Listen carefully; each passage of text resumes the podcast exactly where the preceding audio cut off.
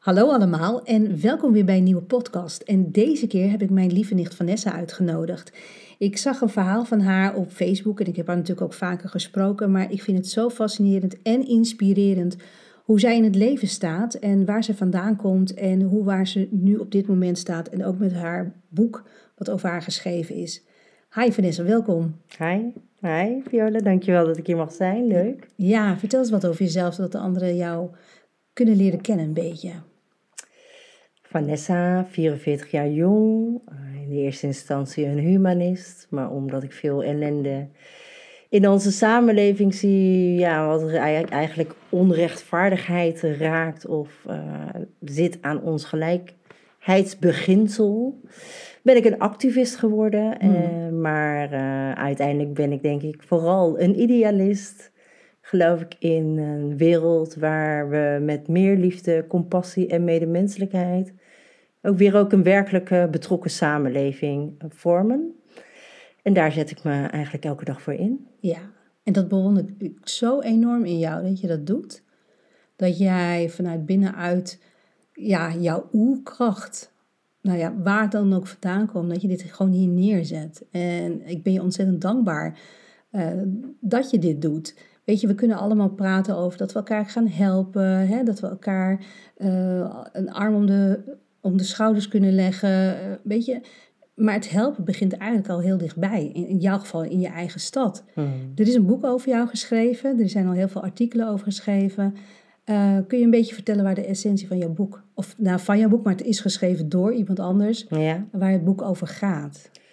Uh, het gaat met name over uh, kinderen, gezinnen, mensen die in armoede moeten leven in een van de meest welvarende landen ter wereld. Zo mij betreft zou armoede hier in het land helemaal niet mogen bestaan. Mhm. Maar het is er wel en uh, er, er, ligt een groot stigma op armoede, veel schaamte, enorm taboe. Waardoor mensen die getroffen worden door armoede zich niet uitspreken. Ja. Uh, maar ik tegelijkertijd ook heb gezien dat de overheid, het systeem waaronder wij moeten functioneren, leven, eigenlijk moedwillig uh, mensen in, in de armoede nou, bijna trapt. Mm um, en dat het vanuit de omstandigheden waarin je dan terechtkomt, ook psychisch, als je moet overleven in armoede, het heet niet meer leven, maar overleven. Ja, dat bepaalde hersendelen lam geslagen wordt, waardoor eigenlijk alles wat je nodig hebt aan functioneren in je hersenen. Ja. Um, je dus plannen, organiseren, long-term denken, dingen echt oplossen om weer in je eigen kracht uh, je basisveiligheid te kunnen waarborgen. Om dat goed te kunnen managen, ja, dat kan je op zo'n moment niet. En daar is eigenlijk te weinig uh, zicht op en inzicht. En ook heb ik gemerkt dat uh, ja, men een idee heeft over wat armoede is, maar eigenlijk totaal niet beseft hoe wat, dat armoede eigenlijk een veelkoppig monster is. Ja. En door eigenlijk alle lagen van het bestaan van een mens vreet. En ja, als je dat een paar keer hebt gezien bij kinderen, gezinnen en de impact van armoede. En dus bij mij het besef dat in de tijd dat ik voor mijn missie koos, een kwart van alle mensen op papier, dus in de cijfers op papier gebukt gaan onder armoede. Ja, toen voelde ik gewoon, nee, ik voelde niet. Ik hoorde een roep ja. van het leven om voor deze kinderen op te staan. Dus in de tijd dat ik bewust werd, ging het in de eerste instantie om 28.000 kinderen in de stad waar ik leef, Rotterdam. Ja. En het jaar later 40.000 kinderen. En dan dacht ik, wow, dat is een kwart van alle toekomstige stadsdragers die eigenlijk ten tijde van hun ontwikkeling de wind tegen hebben. En eigenlijk op zoveel momenten ja, eigenlijk een nee van ons krijgen dat ze niet mee kunnen komen, dat ze niet mee mogen doen. Ze worden buitengesloten. Kansen en uh, mogelijkheden om hun talenten te ontwikkelen worden ontnomen. En ja, er zijn gewoon veel zorgen binnen een gezin. En ik denk dat er voor een kind niks moeilijker is om te weten en te zien en te voelen dat je ouders eigenlijk uh, ja, toch belast zijn. Soms somber, depressief, gestrest. En dat je daarin niks kan doen. En als je jezelf, zo'n kind kan zichzelf ook een verhaal vertellen dat het aan hen ligt. Ja. Waardoor hun zelfbeeld en hun zelfvertrouwen ook nog eens aangetast wordt. Dus ze krijgen overal nee, nee, nee. Ze kunnen niet goed meekomen en dus krijgen minder kansen. En uh, ja, dan ook die emotionele ontwikkeling. Als dat ondermijnd wordt, dan denk je ja. Een kwart van alle kinderen in onze stad, de toekomstige stadsdragers die zo door het leven gaan. Ja, dat moet gewoon niet mogen. En ik zou dat met alle liefde die ik in mij heb, met name voor dat welzijn van onze kinderen en al die kansen die zij verdienen, ja, daar zet ik me met liefde voor in elke dag. Om die onzin van armoede onder onze kinderen en gezinnen tegen te gaan. Ja. Wauw. Ik, ik vind het heel inspirerend. En ook hoe je dus ook voor inzet. Waar haal jij je, je, je drive? Waar, waar, waar voel jij, waar komt dat vandaan? Dat je je zo voor inzet. Hè? Ik bedoel, uh, ik, ik zie jou nu en, en ik, het liefst zou ik je willen laten zien hoe je mhm. erbij zit en hoe je vol passievol en, en met een glimlach, maar ook vol gevoel hierover paraat om de aandacht te krijgen, om de aandacht om uh, de armoede onder de aandacht te brengen. Maar waar, waar komt jouw drive vandaan? Nou ja, één denk ik, uh, ik kom uit een bloedlijn van vaders, moeders, vooral voormoeders, die zich allemaal hebben ontfermd over kwetsbare mensen. Mm. Uh, dus ik denk dat het ja, vooral ook een soort bij een DNA is. Ik loop in de voetsporen van mijn voorouders. Ja. Um, ja, ik ben ook wel. Ik, ik hou van een moraal en ik hou ervan om er waakzaam op te zijn dat onze rechten gewoon gediend worden of in ieder geval nageleefd worden. Ja. Ja, dat blijkt bij deze kinderen en al die mensen en gezinnen niet. En ja, dan als ik zoiets weet, uh, mijn moeder heeft me altijd geleerd, kinderen zijn een verantwoordelijkheid van ons allemaal. Ja. Dus als ik wegkijk van de ellende die ik weet dat er afspeelt in mijn stad, uh, dan ben ik bang dat ik eigenlijk mijn kloppend hart mijn menselijkheid verlies. Hmm. Dus toen ik het besefte, dacht ik, oh, toen voelde ik me eigenlijk machteloos. En daardoor kromp mijn hart zo dat ik dacht, ja. oké, ik kan kiezen of ik negeer dit. Maar ja, waar blijft dan ook gewoon mijn kloppend hart en liefde voor mijn medemens? Ja. Of ik kies toch voor, ja, inzet en kijk wat ik kan doen om in ieder geval iets te kunnen doen. En als we allemaal iets doen, dan zouden we met elkaar een enorm groot verschil kunnen maken. Ja. Ja. Dus ik denk, ja, nou ja, practice what you preach. Probeer inspirerend zijn voor mensen, mensen bewust te maken, inspireren. Dat het anders kan, zet je daar ook voor in. En hopelijk krijg je mensen mee om het samen anders te gaan doen in de toekomst. Ja, je brengt ook letterlijk licht hier op dit onderwerp, hè? Kijk, voor mij ben je ook echt een lichtwerker. Hmm. En voor mij is een lichtwerker ook gewoon iemand die de liefde voortdraagt, doorgeeft, in dit geval aan de kinderen. Hè, de kinderen die in armoede leven, of wat je ook eerder had gezegd, kinderen die bijvoorbeeld zonder een, een boterham naar school gaan. Hmm. En ehm, weet je, dit soort lichtwerkers hebben gewoon heel veel nodig. Hoe merk je, want je hebt natuurlijk ook de stichting Stem Zonder Gezicht. Ja. Uh, je bent al een hele tijd hiermee bezig, een aantal jaren. Uh, jaar ja, inmiddels zes jaar denk ik. Ja. ja. merk jij dat er beweging komt, dat er verandering komt? Je bent, je bent lichtdrager, je gaat uh, licht verdelen, je raakt mensen. Ik weet dat jij ook al, allemaal met mensen spreekt erover. Mm voel je nu dat er beweging komt, wat je, wat je hebt gezaaid? Uh, ja, gelukkig wel. Uh, ik denk dat het wel heeft bijgedragen dat dat boek is uitgebracht. Ja. Uh, ik heb lang veel interviews mogen doen, maar ja, dan kan je ook maar zoveel kwijt. Ja. En dan lezen mensen en denken, oh ja, dat is erg of Oh, wat een leuk idee om het anders te doen. En dan gaan we over naar een ander artikel. Ja. Dus het, het beklijft niet. En er komt ook uh, onvoldoende, kwam er op gang wat dat dan werkelijk is. En hoe het inderdaad door die lagen van het leven heen vreet. Ja. Hoe het mensen eigenlijk uh, beperkt in mobiliteit, in, in mogelijkheden, in uh, de eigen kracht wordt ontnomen. Alles wordt lam geslagen. Um, en door dat boek, uh, Jasper van de Bovenkamp heeft het boek geschreven. Ja. Nou, hij is een journalist, filosoof, vooral een man en een mens met een groot hart. Uh, en hij heeft samen met mij uh, hoofdstukken gevuld waarin we juist eigenlijk de, de, de pijn die ik voel, de zorgen die ik heb, de kritiek op het systeem, op hoe we hulpverlening hebben georganiseerd en waarom dat niet eigenlijk bijdraagt aan werkelijke oplossingen. Uh, maar aan symptoombestrijding, ja, dat, dat maakt door dat dus dat boek nu is geschreven en die hoofdstukken daarmee gevuld. En dat mensen nu meer zicht krijgen op wat het werkelijk is. Ja. Hoe onrechtvaardig het is en hoe onnozel het ook vooral is. Als je zoveel mensen in een welvarend land gebukt laat gaan. En wat dat eigenlijk wel niet kost. Ik bedoel, hè, dan heb je dat, Ja. de zorg, oh, het trekt allemaal allemaal belast. En het is veel te duur en het wordt alleen maar duurder. En denk, ja, maar ja, als je mensen in de basis niet geeft wat ze nodig hebben om goed te kunnen functioneren. Dan krijg je allemaal ellende die daar voortkomt, die je over 10, 15 jaar probeert te managen. Ja. En dat is denk ik waar ik hoop dat het verschil en het inzicht komt dat als we het in de basis gewoon goed doen, dat we heel veel leed kunnen voorkomen. Ja. En eh, men zegt, oh nou, dat is misschien one-wise heel erg goed.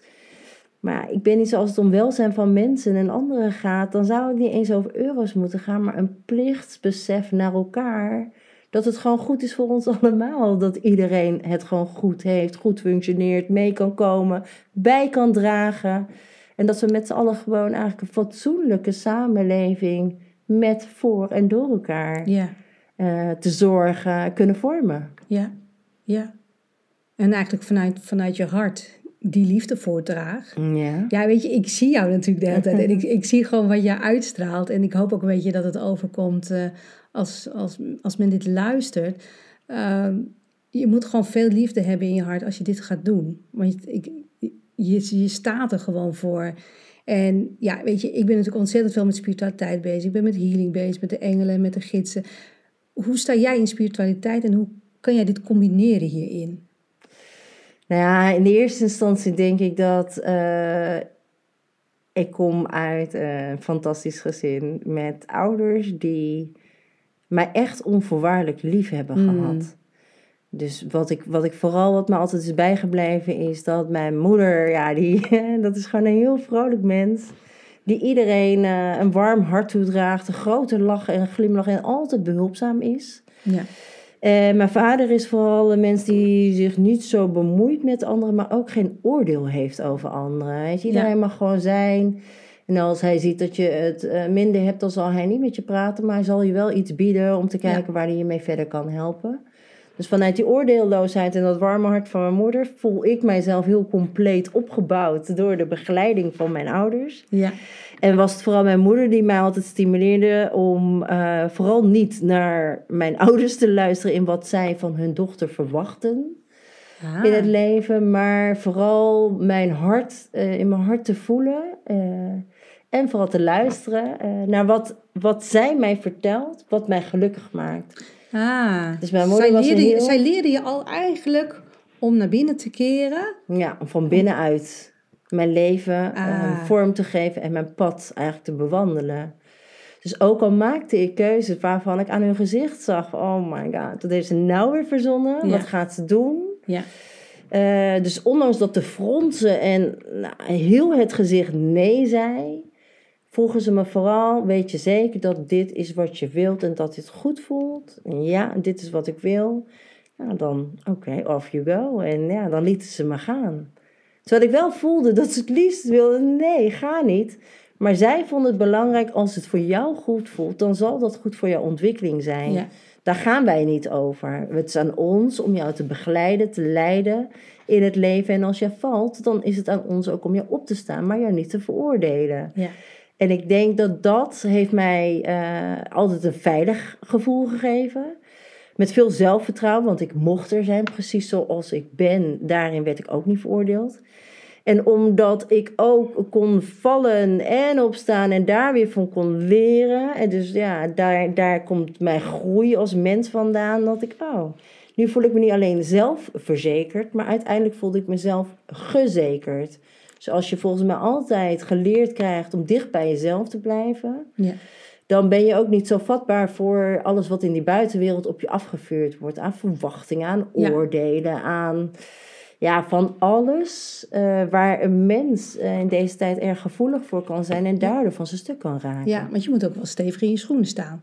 Ik bedoel, jij verkondigt ook best wel een boodschap wat in Nederland sommige mensen ook, heb ik het idee, niet zien of niet willen zien. Mhm. Want ja, dat is toch best wel een ding, armoede in Ja. Nederland. Eh, dus ik heb het idee, je moet wel goed in je, in je schoenen staan als je dat gaat verkondigen. En op jouw manier ook nog aan deuren gaat bonken en rammelen van hé, hey, hoor mij.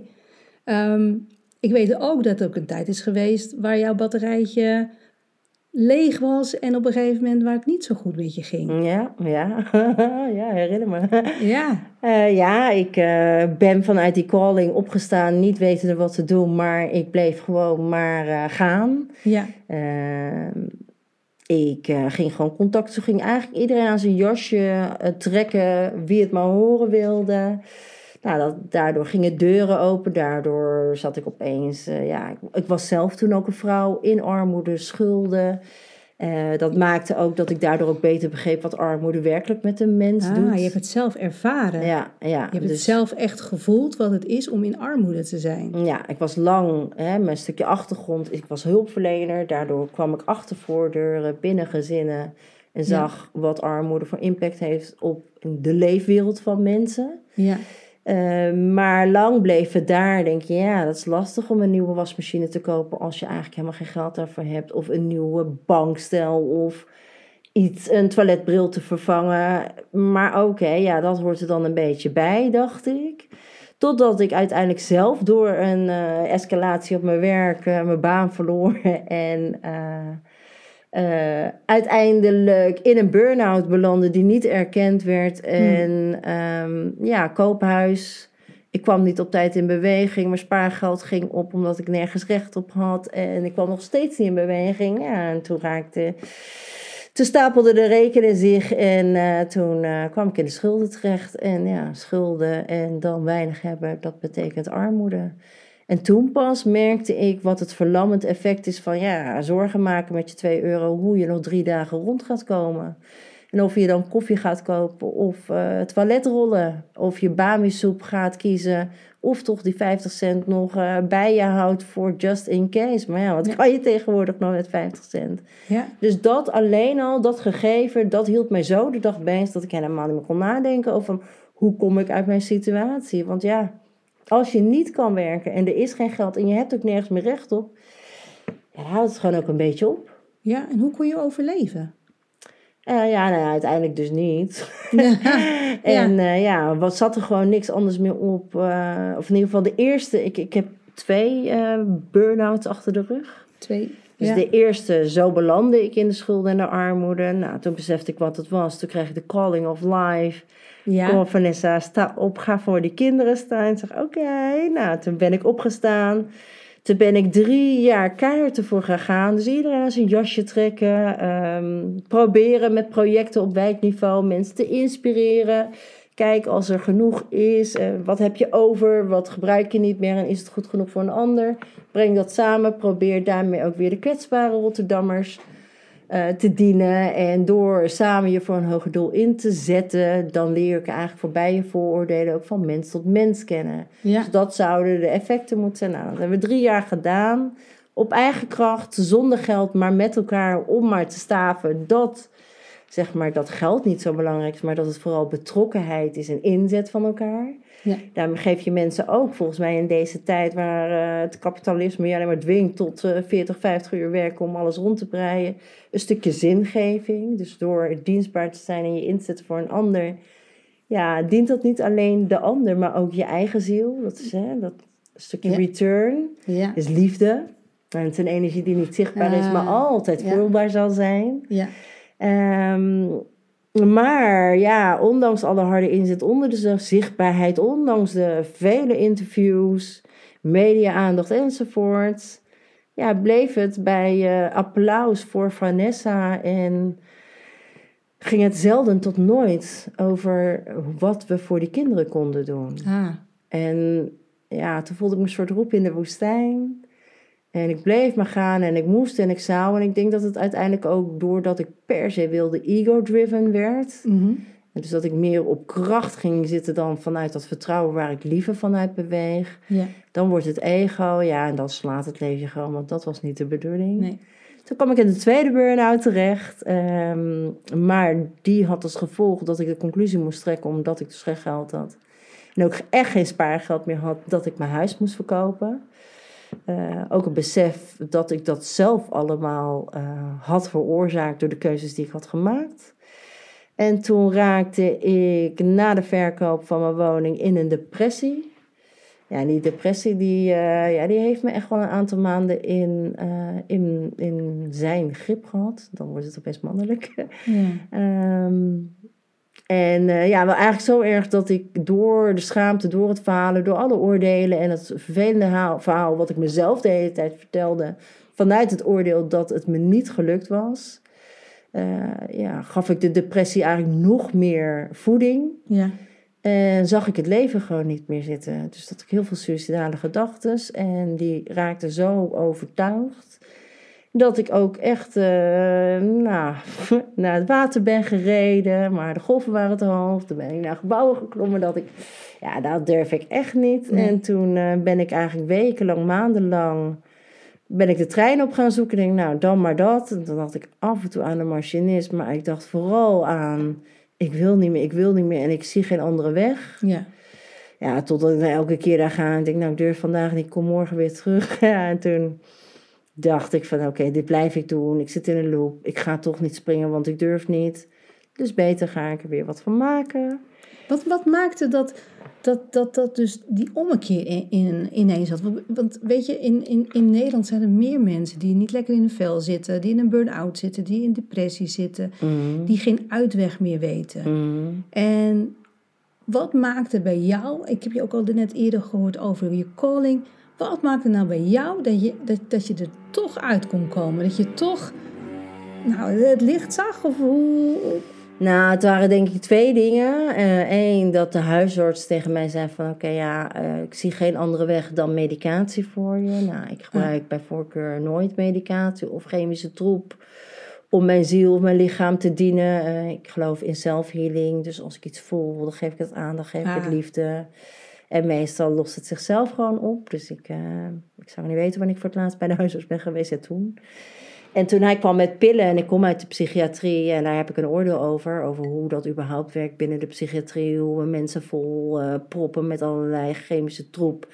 Dempen, emoties uh, reguleren en en en ja, daar schrok ik van. Dat ik, oh jee, ben ik nu op een punt. En ik was al lang suicidaal. Dat vond ik nog niet eens zo erg. Maar toen hij kwam met oh dan medicatie.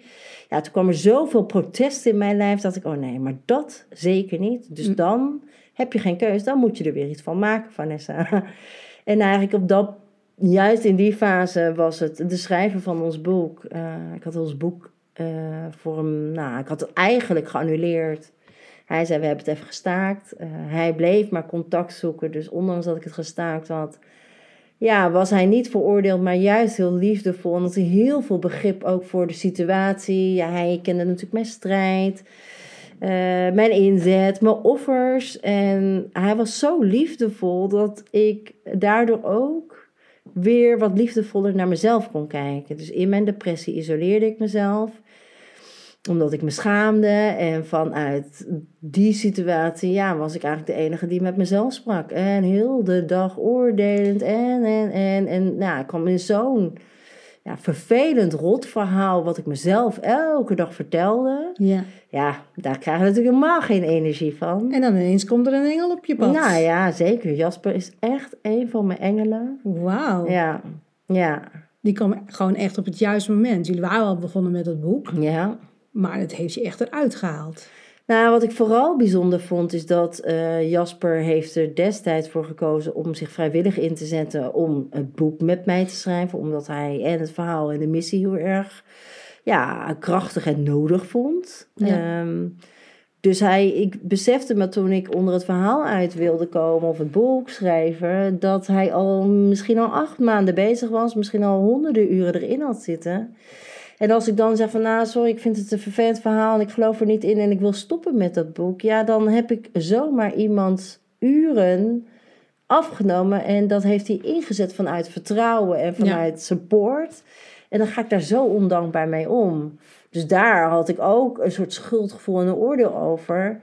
En Jasper gaf ook wel toe dat in de eerste instantie hij heel erg boos was. Maar later ook beseft van ja, ik snap ook wel dat je hier bent gekomen. Omdat ik heb gezien hoe hard je hebt gestreden, geleden, hoeveel offers je hebt gemaakt. Van hoe weinig je lang hebt moeten leven. Of dat was dan een keuze. Maar hè, ik kon gewoon. Hij zei ook hoe vaker ik bij jou thuis kwam, hoe meer ik zag waar die armoede zeg maar in zat. In die toiletbril die niet gemaakt werd. In ja, toch een lege koelkast. Uh, schoenen die versleten waren. Een gaatje in mijn broek. En, en, en. En zeg, eerst zag ik het niet. Maar ja, als je dan vaak een metje optrekt. Of zegt van nou ja, doe maar weer een kopje thee. Want er is geen koffie in huis. Zou je denken van nou, had je toch kunnen halen? Ja, als je het geld had wel. Maar had ik niet. En dat ja, maar jou wel kunnen bellen.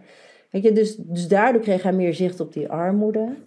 Um, maar ja, toen hij uit zijn boosheid dus kwam dat ik het boek gestaakt had, toen dacht ik nee, maar het is gewoon een goed mens, goed verhaal. Alleen het heeft niet gewerkt zoals ze het had gehoopt. Waarom ben ik dan boos op haar?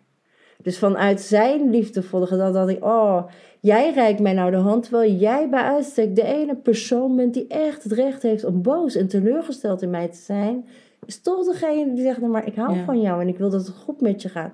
We hoeven het niet over het boek te hebben. We hoeven het verder niks. Eh, nou, ik wil gewoon. Ik hoop gewoon dat ik iets van je hoor. Een teken van leven. En vanuit die onvoorwaardelijke soort zorg naar mij en die, ja, dat gebaar. Ja, toen vond ik me zo schuldig. Ik moest wel reageren nu, terwijl ik al dus echt een zeven of acht maanden aan het negeren was. Toen zei ik, hallo. Een teken van leven. Nou, ik voelde zijn energie en zijn blijdschap door de telefoon. En toen ik hem niet eens sprak. Het was gewoon een WhatsAppje. Ja. Um, ja, en dat gaf me misschien weer een van mijn eerste glimlachen terug in die depressie. dacht ik, ah, Wauw. Ah, wow. zo lief. Ja. Oh, wat een mooi hart heeft hij. Ja, hij is een hele bijzondere, wow. bijzondere man. Beseft hij het eigenlijk met wat hij heeft gedaan, in, in wat hij ziet, in, in hoe hij er ook in gelooft, hè? Want hij doet het ook vanuit zijn hart. Ja. Wat hij teweeg heeft gebracht, hè? Ja. Je hebt eerst een wake-up call bij die huisarts. Ja. Die denkt, oké, dat gaan we niet doen en met die medicatie. En dan krijg je een wake-up call van een medemens. Ja, vanuit liefde. Vanuit liefde. En oordeelloosheid. En vanuit medemenselijkheid. Dus en daar gaat uiteindelijk de missie over. Dus dat wat onze uitgever ook wel zegt. Het uh, bijzonder dat jullie niet Jullie zijn ooit aan het schrijfproces begonnen samen. Daarna is het even gestagneerd. En zijn jullie samen eigenlijk ook in terechtgekomen waar Vanessa aandacht voor vraagt. Maar hebben jullie het ook met liefde weten op te lossen?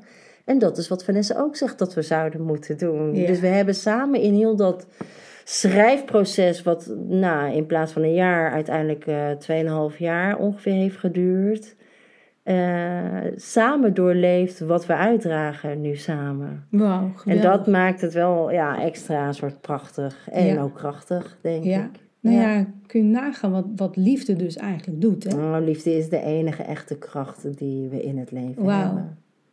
En als we het een stukje in onszelf allemaal vinden, dat we, al is het maar één persoon, hè, dat, don't give up. Hè? En als je ziet dat iemand niet lekker in zijn vel zit, of dat je weet dat iemand depressief is, wees gewoon voor die persoon er. Ja. Ja, nou, ik denk dat oordeelloosheid, dat zijn we allemaal een beetje soort vergeten. Maar daar, ja, dat is wat mij betreft ook liefde. Ja. Wat weet je nou als je denkt te weten omdat je iets hebt gezien, gehoord of naar iemand hebt geluisterd? Het weet je, werkelijk luisteren, daar zijn we al niet meer toe in staat. Ja. Je werkelijk de ander zien en ja, het is zo makkelijk om een oordeel te vellen, maar wat heb je daaraan? Omdat het ook meteen een soort muur optrekt en je de ander eigenlijk niet meer ziet. Het is alleen maar een projectie van jouw gedachten. En daarmee doe je de ander, maar ook jezelf tekort in het contact met die ander. Ja. ja. En dat is gewoon zonde. Want als je wel de moeite neemt om minder judgmental, uh, meer, minder oordeelloos te zijn en uh, ja, gewoon betrokken te zijn dan. En vaak mag je vanuit het vertrouwen wat daaruit ontstaat ook het verschil maken door het goede gesprek. Een nieuw perspectief op de situatie, waardoor je licht brengt in het verhaal van de ander en mogelijk een oplossing. Ja. Um, maar ook gewoon uh, als je dat contact hebt en de ander ja, deelt iets. Vaak brengt het je veel meer dan dat je zelf beseft. Ik denk dat iedereen ja op je pad, jong, oud, eh, afkomst, dat iedereen je eigenlijk iets komt leren. Dus als je dan altijd soort vanuit nieuwsgierigheid benadert om te kijken waarin je een les mag, ja, dan ben je samen ook in staat om vanuit dat goede gesprek en dat goede luisteren, het echte luisteren, te groeien. En dan kunnen we bloeien. Ja, en dan kunnen onze harten ook weer open gaan en staan. En kunnen we nog meer liefde en licht verspreiden. Ja, en daar gaat het om. Liefde en licht verspreiden. Ja? En in welke vorm dan ook, hè? In het woord, in het geschreven woord, in, Ja. in, het, in het boek. Noem eens nog een keer de titel van het boek. Moeder van 40.000 kinderen. Moeder van 40.000 kinderen. Ja, Jasper heeft het verzonnen hoor. ik heb mezelf niet die titel toegediend. Nee. Nee, wat, had, Nee. wat had Jasper voor gedachten erbij? Nou, hij, ehm, Jasper had me ooit, zo heb ik Jasper leren kennen, eh, geïnterviewd voor een magazine dat heet Sjaak. En dat was speciaal eh, eigenlijk bedoeld voor mensen die eh, ja, eh, gebukt gaan onder armoede. Het was informatief. Waar kun je, waar zijn, welke regelingen heb je recht op? Welke eh, voorzieningen kun je aanvragen? En wie zijn nou die mensen die ondanks hun armoede toch nog inspirerend zijn? Nou, daar had de redactie, kwam mij op het spoor. Toen hebben ze, me toen heeft, hebben ze Jasper gestuurd om mij in te interviewen. En ja, hij vertelt altijd van ja, na 2,5 uur interview, wat ik ook niet, wat hij niet had zien aankomen, maar dat was het. 2,5 uur hebben we gebabbeld. Ja, dat maakte dat Jasper eh, veel zicht kreeg op wat ik doe, wat ik doe. Eigenlijk zijn conclusie was, als je geen kinderen hebt, maar je zo hard maakt en zoveel offers maakt voor al die duizenden kinderen, dan vecht je als een moeder voor haar kinderen.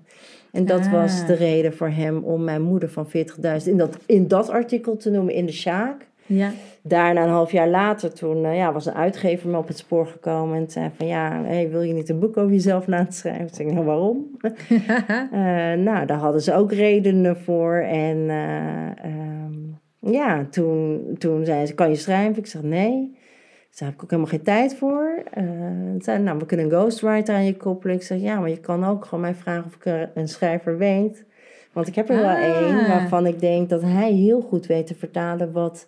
Ja, in dat interview, laat ik zeggen, dat eerste interview in de Sjaak... Toen ik het teruglas, was ik zo onder de indruk van wat daar stond. En ik besefte daardoor niet eens dat het over mij ging. Maar wel Ah. zo duidend voor ja, wat we proberen, waar we heen willen, waarom het nodig is en noodzaak is.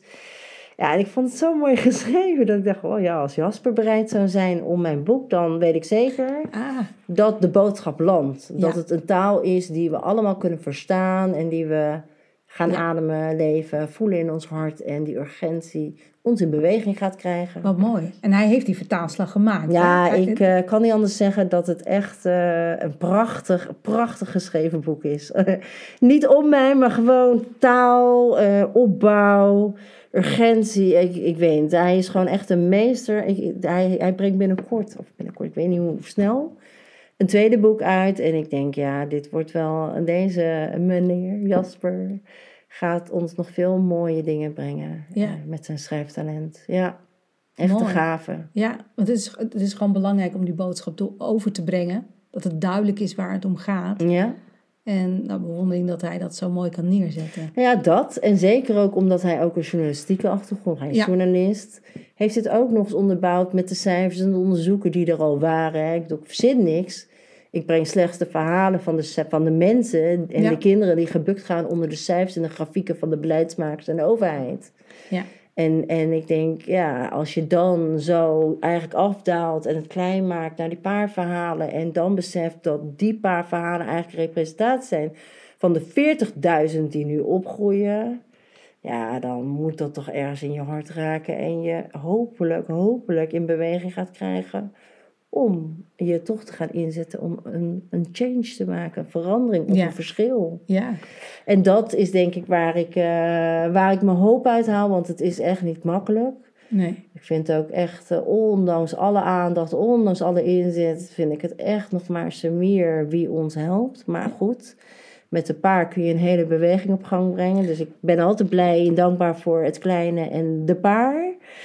Ehm, maar eh, ik kan ook alleen maar zeggen, ik denk voor mijzelf, er is niks mooiers om je leven in het teken te plaatsen van duizenden kinderen in je stad. Ja. Dat. Dus ja, ik kan alleen maar zeggen, ik ben dankbaar dat ze me met deze passie, ik ben ook erg gepassioneerd over wat ik doe. Eh, ik ben alleen maar dankbaar dat ik ik mag zijn en dat ze me met deze passie en missie naar beneden hebben geschoten. En het vertrouwen en mij de kracht en alles, denk ik, wat ik nodig heb om te doen wat ik doe, heb gekregen. Eh, en in het leven mag zijn zoals ik ben, wie ik ben. En eh, ja, dat. Dus ja, ik kan alleen maar zeggen, ik ben gelukkig met wie ik ben en wat ik mag doen. En hopelijk mag ik een vorm van verandering teweeg brengen voor al die kinderen en mensen en gezinnen in onze stad. Mooi. Mooi dat je die stem voor hen bent. En mooi dat het opgeschreven is. Ja. En ik voel zo jouw passie. Ik voel zo jouw gevoel wat je hierin in legt. En hoe zie jij de vervolgstappen? Hoe, hoe, hoe ga je het aanpakken? Hoe, hoe ga je nog meer de boodschap verspreiden? Uh, nou, ik word best wel uh, regelmatig nu gevraagd voor lezingen. Dus uh, binnen het onderwijs, later maar op het bedrijfsleven. Maar wat ik leuk vond is... Ik weet vorige of twee weken geleden alweer had ik een lezing op een college, een zorg. maatschappelijk werkers, toekomstig maatschappelijk werkers, SP, WE'ers, ja. sociaal-pedagogisch werkers. En ze hadden me specifiek gevraagd over mijn mensvisie binnen de zorg. Hmm. En eigenlijk door het delen van mijn verhaal, dat ik altijd die hulpverlener was achter de voordeur. Die dacht van, oh, ik weet het allemaal en ik uh, ga de mensen helpen met mijn positiviteit. Ja. Uh, maar toen zelf uiteindelijk onderuit ging, waardoor ik uiteindelijk de cliënt zelf was en zijn mensen eigenlijk achter mijn voordeur moesten kruipen. Ja. Nou, dat was wel indrukwekkend, want hè, er is altijd zo'n oordeel dat normale mensen overkomt dat niet. Nou ja, iedereen is gewoon kwetsbaar en zeker in dit land onder dit systeem. Dus ja, er is een dunne lijn tussen normaal bestaan en live event. Wat maakt dat je opeens aan de andere kant daar zit. Um, maar wat ik, wat ik leuk vond om te delen is dat, nou, daar hebben we het net over gehad, die pillen. Uh, als ik die pillen had aangenomen, dan had ik waarschijnlijk een diagnose. Dan was ik depressief, suicidaal, waanstoornis, angststoornissen en, en, en. Ze hadden er allemaal labels op geklapt. Terwijl ja, nu kon ik anderhalf jaar later daar voor ze staan. 45 minuten mijn verhaal in één ruk delen. Met een lach. Ja. Uh, en zeg ja, nu sta ik hier. Dus ik vraag jullie, hè, met, met wat ik hier probeer te delen. Als je straks als hulpverlener aan de slag gaat. Ja, zie niet de diagnose, kijk niet in het dossier. Zie dat een kwetsbare medemens, je Rotterdammer in mijn geval, ja. uh, in een situatie terecht is gekomen waar jij in jouw rol als hulpverlener dienstbaar mag zijn om het beter te maken. Ja. Dus, dus juist, en toen uh, kwamen er de studenten naar mij toe en zeggen: Ja, u heeft gelijk. En wat u eigenlijk zegt over hoe we echt de ander zouden moeten helpen vanuit die betrokkenheid, vanuit oh, het is een ander en ik mag daaraan bijdragen. Dat is wat ik mis in de opleiding. En Mm. dat, Ja. ja, toen dacht ik, oh ja, en dit is wat ik wil. Mensen gewoon weer herinneren aan ja, wie je gewoon kan zijn vanuit dat oordeelloosheid, vanuit liefde, vanuit betrokkenheid. En wat voor verschil je mag maken als je naast iemand mag staan. ja. Dat, En- dat is toch wel heel erg mooi. Hè? Ja, dat is Als je echt dat heel verschil erg kan mooi. maken. Dat. Ik, ik ben gezegend met een paar jongeren Ja. die ik 15 jaar geleden mocht eh, helpen, steunen in, in hun proces, in hun reis in die tijd. Mhm. Waar het vrij uitzichtsloos eruit zag en zij in bizarre omstandigheden overleefden. Mhm. Ik had kinderen, jonge meisjes die zichzelf prostitueerden om maar aan eten te kopen en nog niet eens een dak boven hun hoofd hadden. Jongens die eh, in drugspanden sliepen of onder de brug of in tentjes heb ik ze wel eens opgezocht. Eh, soms verslavingsproblematiek, psychiatrische problematiek.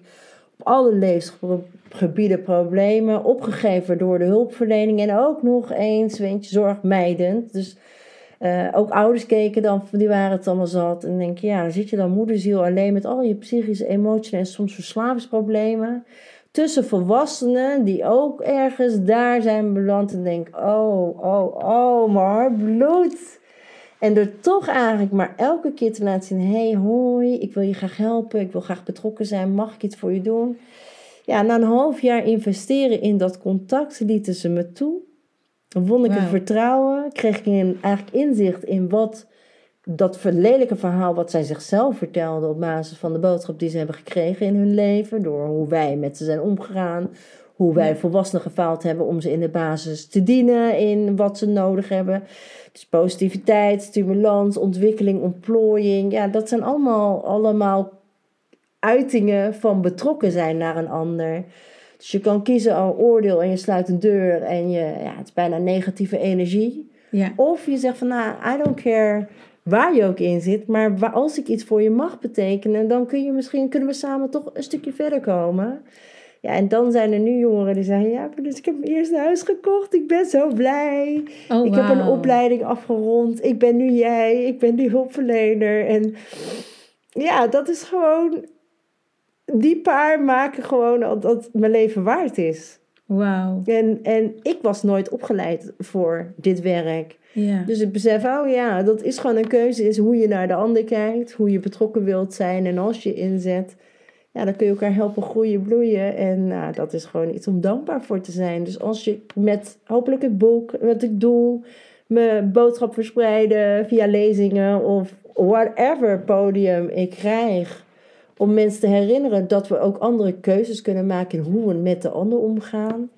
Ja, dat helpt en dat werkt. Ik krijg ook soms van redacties terug, ik heb je boek gelezen en als ik nu kindjes zie huilen op straat, dan ga ik niet meer gewoon eraan voorbij, maar dan ga ik ernaast zitten. Nou, als ik dat dan alweer zo met zo'n boek en zo probeer ik mensen te herinneren, ja, dat we een keuze hebben in hoe je naar de ander kijkt. Want hè, we kunnen slechts bestaan bij gratie van de ander. Ik ben omdat wij zijn.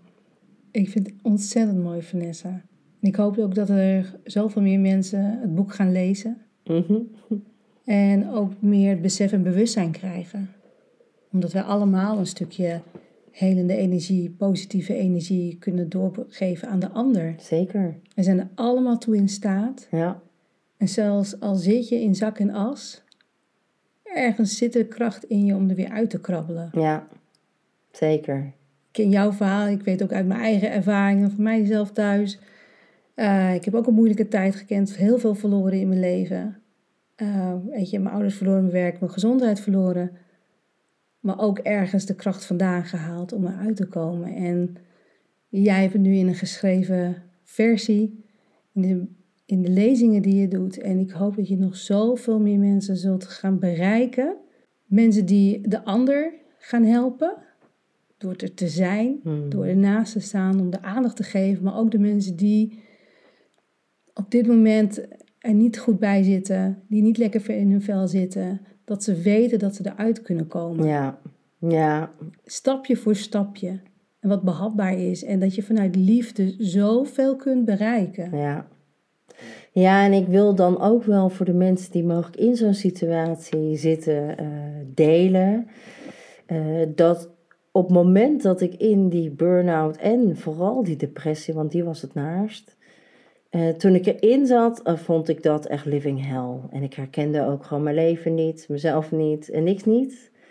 Maar ik besef me ook achteraf eh, dat ik zo opgebrand was omdat ik gewoon niet meer dicht bij mijzelf stond. En de enige manier om weer uiteindelijk mezelf te voelen is door mezelf de juiste vraag te stellen. Waar word ik blij van? Waar, weet je, waar gaat mijn hart harder van kloppen? Wat is nou wat mij dat stukje wat betekenis geeft aan mijn leven? Dus door mezelf juist die vragen weer te stellen. Ja, toen kwamen al die kinderen weer en mijn zorgen weer. En dat ik, oh ja, mijn kinderen. Dat... En zo eh, dacht ik, ja, ik, ik heb geleerd dat ik gewoon vanuit dat vertrouwen gewoon moet blijven doen wat mijn hart mij ingeeft en vraagt. En dan zien hoe, het, hoe de weg zich ontvouwt. Ondertussen moet ik zeker eerst goed voor mijn eigen basis zorgen. Want dat hè, in armoede leven, om Ja. aan het strijden, dan ben je eigenlijk alleen maar aan het weggeven. Maar je wordt niet opgeleid. Dus zorg altijd eerst voor jezelf. Maar voel ook gewoon echt waar wordt je hart blij van. Waar gaat je hart van van kloppen? Want als je dat voelt, dan gaat je gezicht ook meelachen. Ja, en als je vanuit daar weer je leven een vorm geeft, ja, dan kan ik je zeggen, twee jaar later zit ik er heerlijk bij in alle opzichten, op alle gebieden in mijn leven, terwijl ik ja, twee jaar geleden op dit tijdstip waarschijnlijk naast de trein stond, omdat ik het niet meer zag zitten. Dus als je je zo voelt, ja, vraag jezelf, weet je, is, is waarom ben ik hierin terechtgekomen? Welke afslagen heb ik gemaakt die eigenlijk ook niet passen bij een goed gevoel over mezelf of waar ik me goed bij voelde? En probeer vooral dan weer te ontdekken waar je wel blij van wordt. Omdat dat gaat je energie geven, dat gaat je ook weer kracht geven. Meer zelfvertrouwen, succeservaringen en van daaruit leer je jezelf vanuit het niets weer opbouwen. Maar wat wel past bij ja, je essentie en je hart. Dat. Dankjewel. Dankjewel voor dit gesprek. Dankjewel dat ik hier mocht zijn. Ja, dankjewel dat je je verhaal wilde delen. En dat je de medemens de hart onder de riem steekt. Hoe kunnen we aan jouw boek komen? Als je googelt op moeder van 40.000 kinderen, eh, dan zijn er wat linkjes. Ik wil je liever niet naar de grote partijen sturen. Dus je lokale boekhandelaar is het best. Maar eh, ik Ja. kan je niet garanderen dat eh, ze daar ligt. Maar moeder van 40.000 kinderen, als je het googelt, dan kom je vast bij een bestellinkje. Ja, helemaal goed. En heel mooi wat je zegt om de plaatselijke ondernemer te steunen. Ja, Om daar je boek aan te schaffen. Vraag gewoon of ze het kunnen bestellen. dat kan ook. Ehm, en dan help je ook daarmee de medemens, de mens, de onderneming, jezelf en de ander. Eens, eens. En de essentie van het boek? Ik bedoel, ja, ik ben een kritische burger, maar de oplossing ligt in liefde, compassie en medemenselijkheid.